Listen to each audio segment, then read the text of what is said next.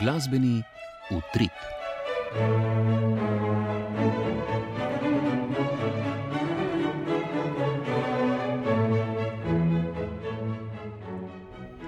Pozdravljeni. Poslušate glasbeni utrip, v katerem bomo najprej na kratko povzeli, kaj smo pripravili za tokratno oddajo, skozi katero vas bom vodila Alma Kuželj. Začeli bomo z osrednjima prispevkoma iz Maribora. Pretekli teden je bila tam premjera opere La Gioconda Ponkelija, predtem pa sta v sklopu koncertov festivala Maribor v tamkajšnji unionski dvorani nastopila komorna skupina pianista Simona Trčeckega ter Transilvanski državni filharmonični orkester. Sledila bosta še kratka prispevka o novi sezoni, prvem koncertu abonmaja sodobne orkesterske skladbe Orkestra Slovenske filharmonije ter o koncertu inštituta Abeceda, recital 2, infra norma meta.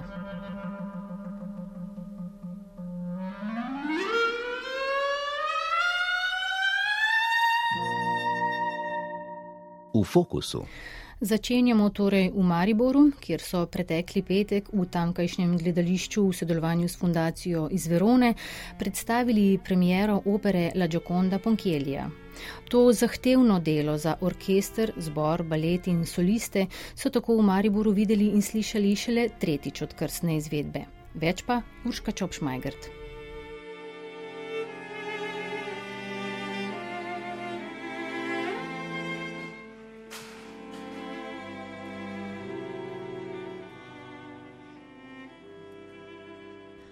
Mojstrovina La Gioconda z libretom Ariga Bojta po dramski predlogi Viktorja Igoja je Mariborska opera že napovedovala. V sodelovanju s fondacijo Veronske arene pa je nastal spektakl, ki je upravičeno navdušil napolnjeno dvorano Ondine Ota Klesinc, nekdanje velike dvorane v gledališču, in zadovoljil generacije ljubiteljev opere.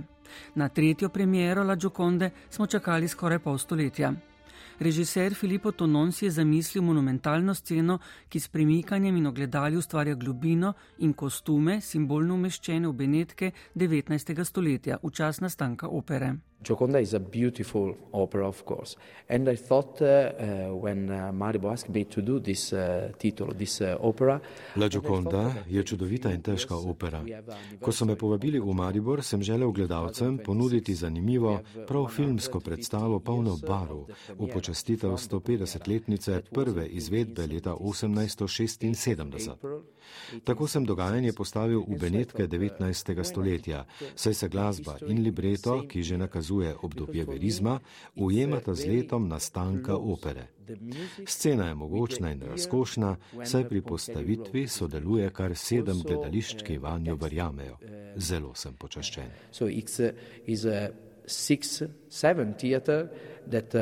Believe in this uh, production. It, for me, it's a, a big honor. Skladatelj Ponkieli, ki se od Belkanta že ozira k verizmu, je napisal veliko in zahtevno delo. Glasba je čudovita, harmonsko bogata, ritmično raznolika, izziv za mogočen orkester, zbor in soliste.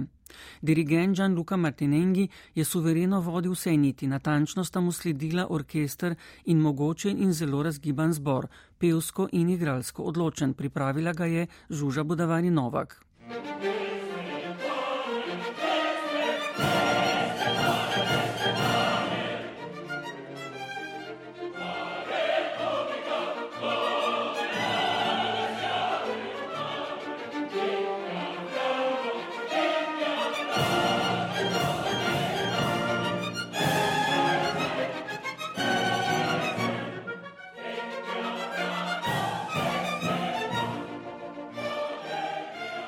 Obsežno delo, ki zaradi dolžine zahteva veliko izkušenih izvajalcev in pozornost poslušalcev, je izziv za ustvarjalce in največja preizkušnja za solistični sekstet.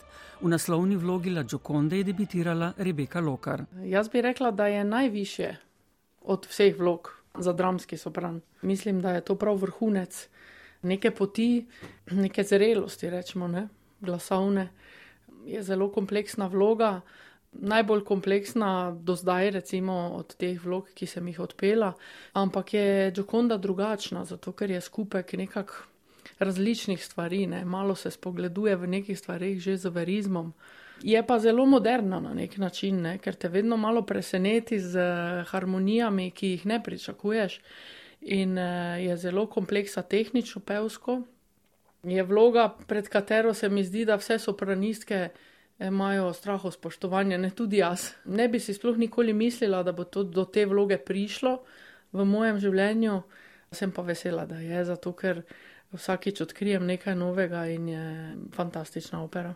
Njena Džokonda je zrela, čustvena in suverena.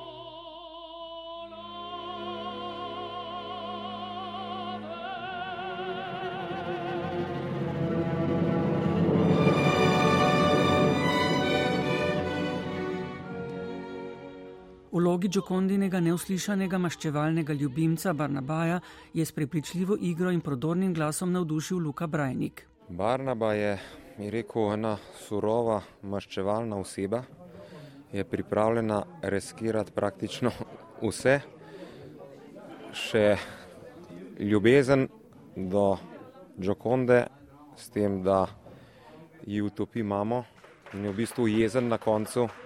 Ne to, da je umrla, ampak to, da je umrla prezgodaj, da ga ni slišala, da ji lahko pove, kaj je storil. Ne. Eh, vleče niti od začetka do konca, praktično. Vloga mi zelo leži, mi pa še pet, je težka, je užitek. Tako da, seveda, bi se veselil tudi pet še kdaj ponoviti to vlogo.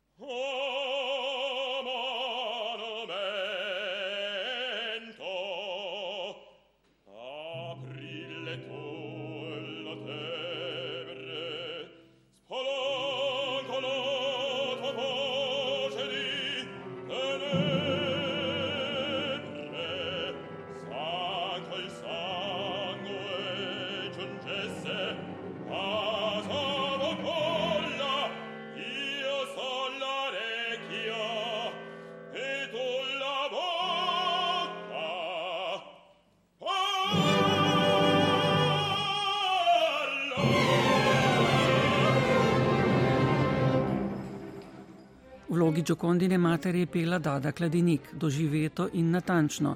Irena Petkova je nastopila v vlogi Laure, razdvojena v ljubezni do Enca. Njen mož Alvise je neizprostni Dragoljub Bajič. Enco Grimaldo, ki ga ljubita Džokonda in Laura, pa Ivan Momirov, ki se je izkazal tako glasovno kot igravsko. Po predstavah v Mariboru La Džokondo čakajo gostovanja v italijanskih gledališčih. Zaželimo ji uspešno in srečno pot. Oh!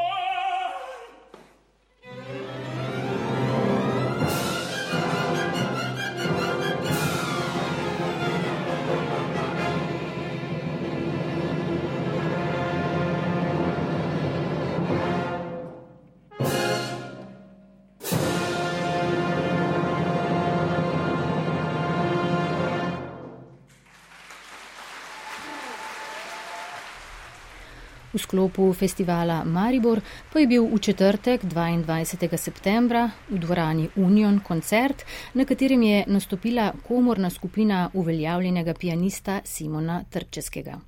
V komorni skupini so se mu pridružili izkušeni glasbeniki iz Severne Makedonije, Bolgarije in Romunije, na zadnjem koncertu iz cikla pa je gostoval Transilvanski državni filharmonični orkester. Podrobneje Tjaša Krajnc.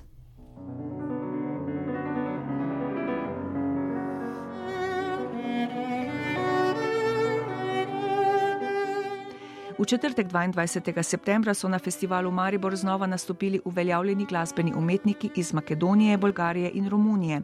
Zbral jih je mednarodno uveljavljeni pianist Simon Trpčeski, ki se predano posveča tudi komorni glasbi, ob tem pa predstavlja glasbeno izročilo svoje domovine. Na koncertu je igral z glasbeniki, ki jih povezujeta skupno poreklo in temperament. Vsi so tesno povezani s tamkajšnjo ljudsko glasbo ter podobno razumejo in čutijo umetnostno glasbo. S pianistom Simonom Trčeskim so nastopili klarinetist Hidan Mamudov in violinist Aleksandar Krapovski iz Severne Makedonije, violist Sorin Spasinovič iz Romunije, bolgarski violončelist Aleksandar Somov in severno-makedonski tovkalec Vladko Nušev.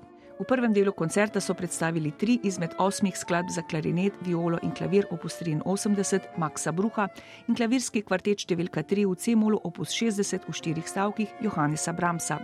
Glasbeni umetniki so v svojih interpretacijah pokazali globoko muzikalno razumevanje in slogovno poznavanje klasičnih del od druge, šeste in sedme skladbe iz osmih značajskih skladb Maxa Bruha, v katerih sta izstopajoči glasbili viola in klarinet, medtem ko ima klavir spremljevalno vlogo, do komorne mojstrovine Johannesa Bramsa, klavirskega kvarteta številka 3 v C-molu iz leta 1854, ki ga je skladatelj po skoraj 20 letih predelal in popravil ter prestavil iz tonalitete C cismola v cemol. To obsežno in zahtevno delo so štirje umetniki ob sjajnem izvajanju pianista Trpčeskega predstavili s tehnično izpiljeno in muzikalno izrazno komorno igro, tako v liričnih in melankoličnih odsekih, kot v dinamičnih variacijah in izrazno intenzivnejših delih.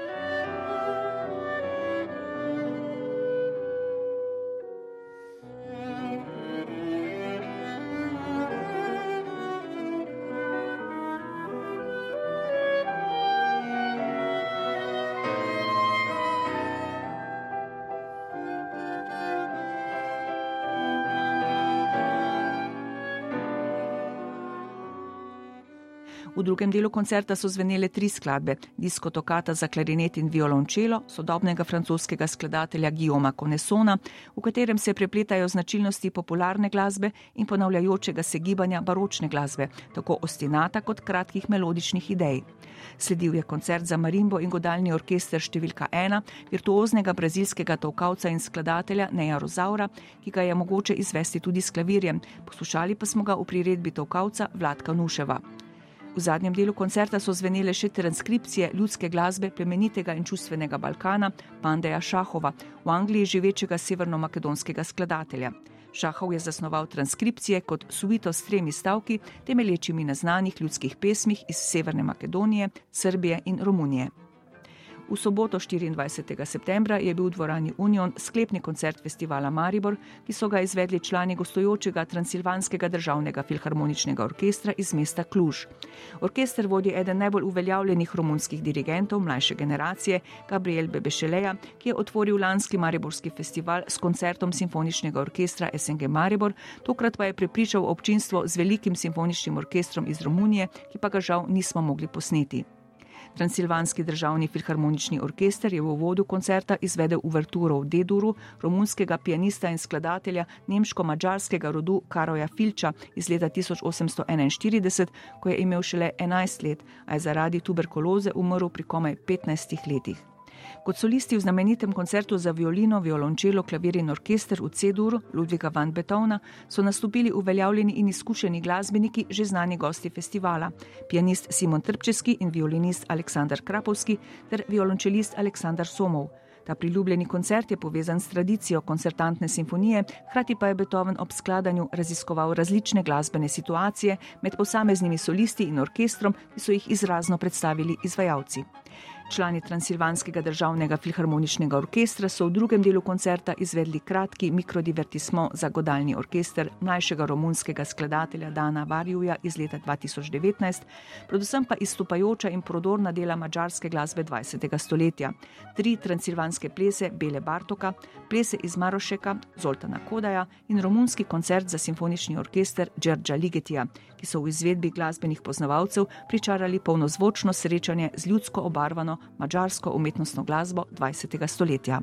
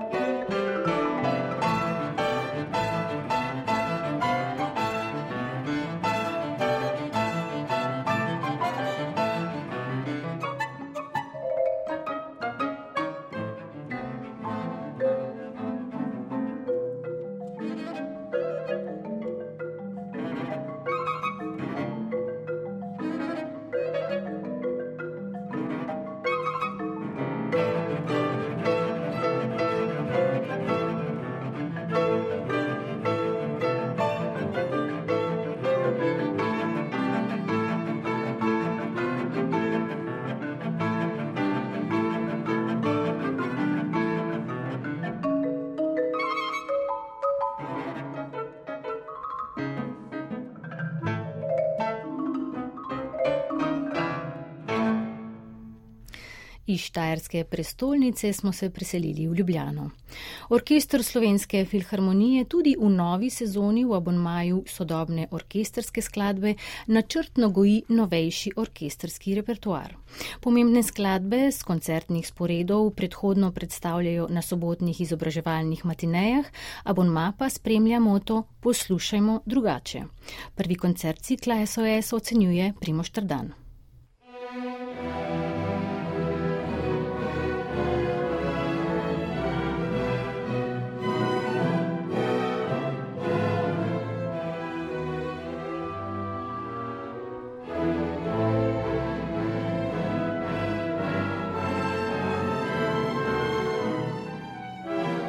Letošnja serija koncertov sodobne orkestrske skladbe se je začela z dvema izvedbama, ki obe nekako stopata izven naziva tega filharmoničnega cikla. Hkrati se zdi letošnji uvodni koncertni program, recimo temu na papirju, najmanj ambiciozen, saj nas je cikl SOS v zadnjih dveh letih obstoja kar razvadil s prvimi slovenskimi izvedbami pomembnih del polpretekle glasbene zgodovine, z najaktualnejšimi današnjimi skladateljskimi imeni, tudi s samimi kombinacijami izbranih del. A izkazalo se je, da je tudi tokratni večer imel svoje namene in sporočila.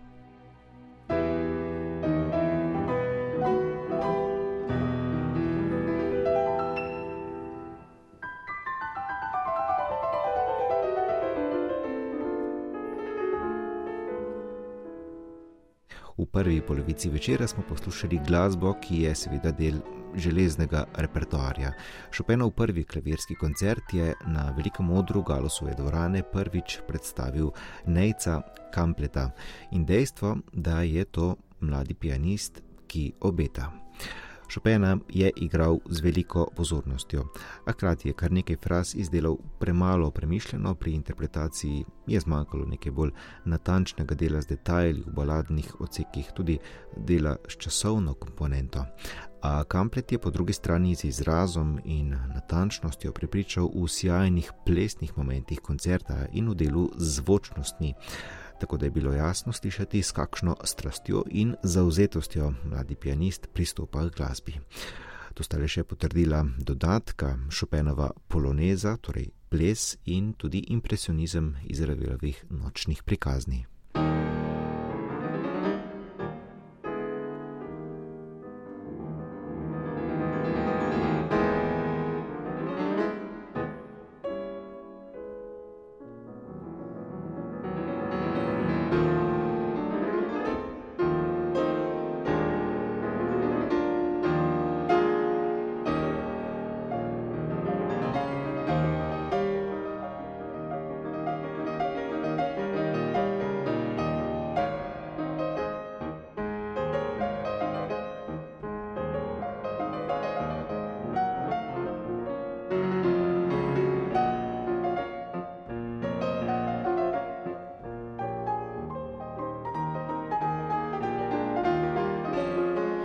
Druga skladba je išla iz novejše dobe, kantata Taborišče Ravensbrück Aloiza Ajdiča, brškone skladateljevo istopajoče delo, tako v smislu prepričljive izrabe glasbenih sredstev, kot v sporočilnem momentu.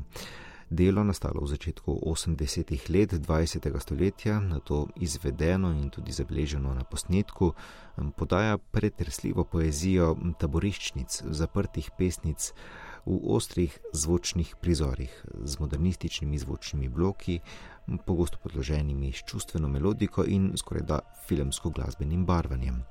Orkester je pod, tako se je zdelo, zanesljivim vodstvom Simona Krečiča dobro vzvočil Ajdičevo partituro, komorni zbor Ave je nekoliko bolj občutljivo podal, res da tudi hvaležnejši del zborovskega deleža, medtem ko je filharmoničnemu zboru zmanjkalo nekaj natančnejše artikulacije. Izvedba je vsekakor pokazala izrazno moč starejšega Ajdičevega dela, a če ga poslušamo v kontekstu z mostrovinami, kakršne predstavlja tudi abonmajski cikl SOS, hkrati težko prezremo nenavadno robato pisavo, ki bi danes lahko očitali precejšen manjko fines.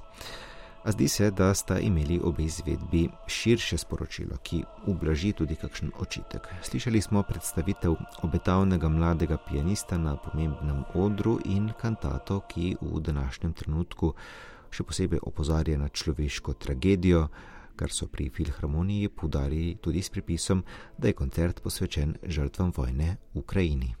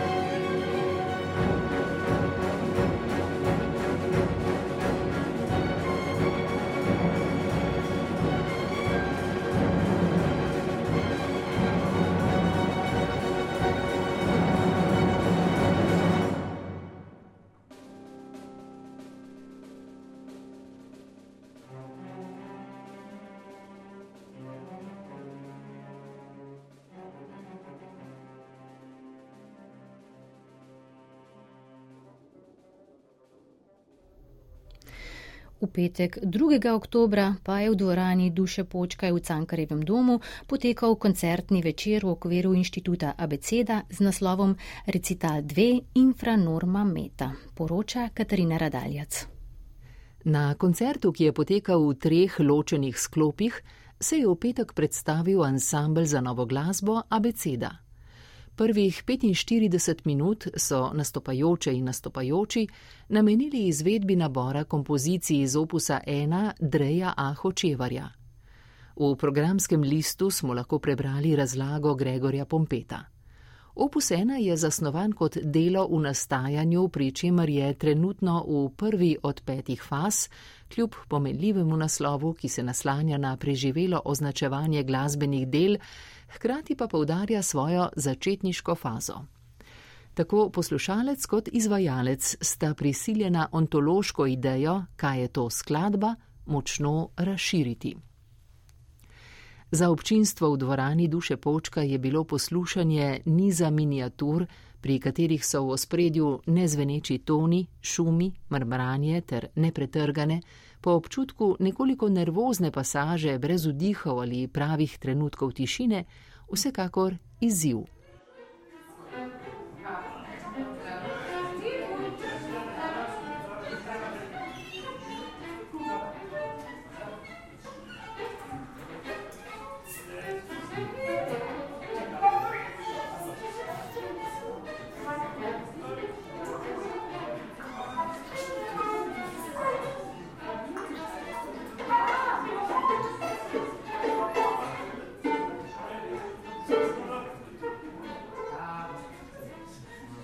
Drugi koncertni blok ansambla za novo glasbo Abeceda je ponudil pogled v kompozicijski svet treh skladateljev mlajše generacije: Tilna Lebarja, Sama Vidica in Johna Franeka.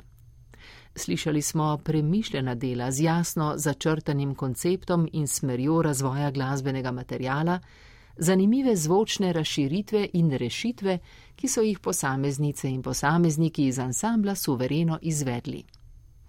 Tretji sklop petkovega koncertnega večera je pripadal programu Mladi raziskovalci 5, ki poteka pod okriljem inštituta Abeceda. S svojima kompozicijama sta se občinstvu predstavila violinist Oskar Longika in saksofonist Maj Brinovec. Še prej pa je zazvenelo delo Possibility, Probability, Improbability, Impossibility, Tobije Hudnika, ki za besedo sodeluje v okviru programa Forum 2. Ta ustvarjalcem v rezidenci omogoča tedensko objavo posnetkov, ki nastajajo znotraj laboratorijskih serij, temu pa se pridružujejo snemanja, inštalacije in koncerti, katerih namen je predvsem realizacija avtorskih del.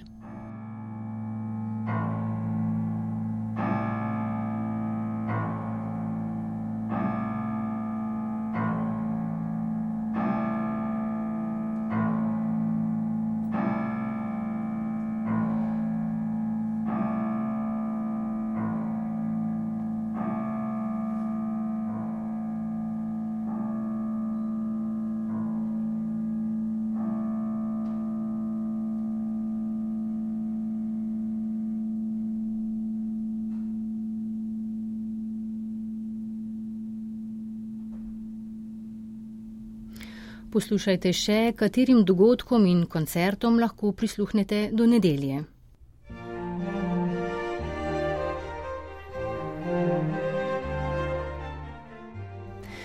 Ta četrtek svoja vrata odpira cikl koncertov Mladi virtuozi. Že ob 19. se bo tako v Viteški dvorani Ljubljanskih križank predstavil mladi pianist Tim Jančar. Na isti dan bo v Galusovi dvorani Cankarjevega doma na sporedu tudi prvi koncert cikla SMS same mogočne skladbe, kjer bo orkester Slovenske filharmonije z dirigentom Ivorjem Boltonom izvedel dve simfoniji in sicer Mozartovo prvo v S-duru ter Brucknerjevo peto v B-duru. Koncert bo na sporedu ob 19.30, v petek bomo na programu Ars ob tej uri koncert tudi neposredno prenašali. Že smo pri soboti. V slovenski filharmoniji bo ob 20. koncert Hendlovega monumentalnega posvetnega oratorija Aleksandrovo slavje ali moč, kjer se bodo ob orkestru slovenske filharmonije z dirigentom Stefanom Vegetijem ter mešanem pevskem zboru glasbene matice Ljubljana pod vodstvom Sebastiana Vrhovnika predstavili še solisti pevci, sopranistka Anne Saint-Denis, tenorist Gwilliam Bowen in baritonist Matjaž. Matjaš Robaus.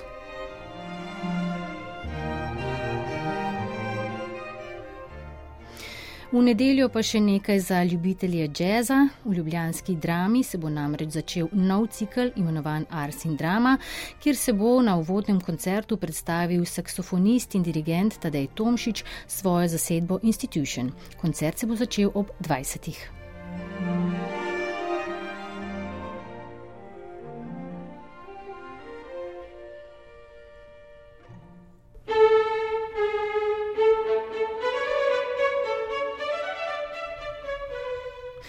Veseli nas, da ste ostali v naši družbi. Z vami smo bili Urška Čopšmajgert, Tjaša Krajnc, Primoš Trdani in Katarina Radaljac. Prispevek je brala Maja Mol, za zvočno realizacijo je poskrbel Vito Plavčak, oddajo pa sem uredila in vodila Alma Kužel. Pa lep pozdrav do prihodnič.